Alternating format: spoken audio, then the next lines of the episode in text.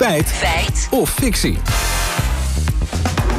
Ja, Ruben, over inflatie en koopkracht. Ja, Janneke Willemsen die deed daar maandag een bewering over in haar column in de Telegraaf.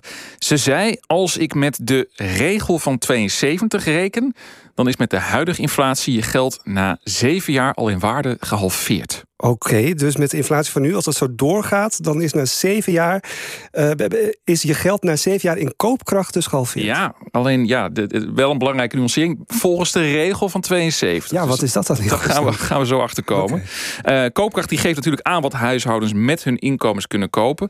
Nou, we hebben Peter Hein van Mulligen, hoofdeconoom van het CBS, dus maar gevraagd: wat is die regel van 72 nou?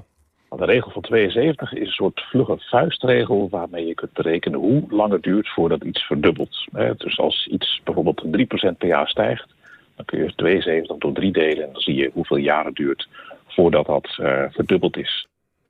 Okay. Ja. En de inflatie die is nu 10,3 procent. Dus uh, ik ben heel slecht te rekenen. Maar als je 72 deelt door 10,3 procent, dan kom je volgens mij inderdaad ongeveer uit Dat heb jij niet nu net uit je hoofd gedaan. Ja.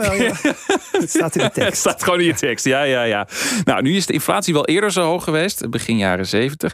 Een groot verschil met toen was dat de lonen ook veel harder stegen, legt Van Mulligen uit. Dus voor de koopkracht was het veel minder desastreus.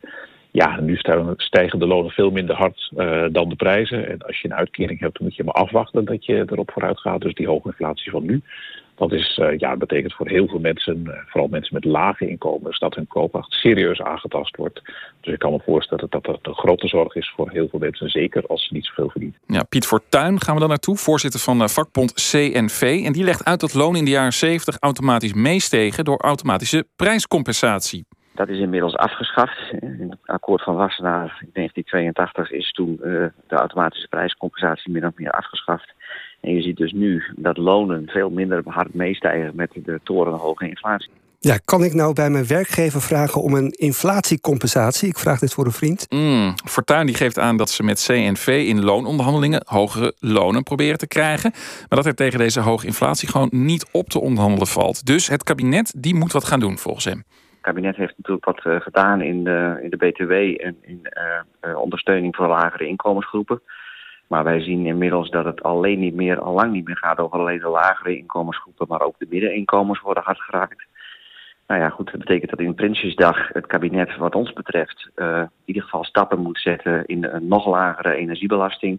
Misschien de BTW op nul moet zetten. misschien een, een, een plafond in de energie moet aanbrengen. Ja, hoe erg dit ook allemaal is, volgens Van Mulligen kunnen we dus niet spreken van een recessie. Over het algemeen de meest gebruikte definitie voor een recessie is dat je twee kwartalen hebt van economische krimp. Nou, daar zitten we in Nederland nog niet in. Het eerste kwartaal van dit jaar was er geen krimp. Uh, dus zelfs als het tweede kwartaal dat wel zou hebben, zou het derde kwartaal ook nog zo moeten zijn. Dus zouden we pas aan het eind van dit jaar kunnen vaststellen dat er een recessie is. Aan de andere kant, er komen nog wel steeds heel veel baden bij. Dat zie je normaal gesproken ook niet in een recessie. Dus als er een recessie komt, is het wel een hele vreemde. Oké, okay, officieel geen recessie dus gelukkig. Maar ja, de zorgen van heel veel mensen zijn wel heel erg groot.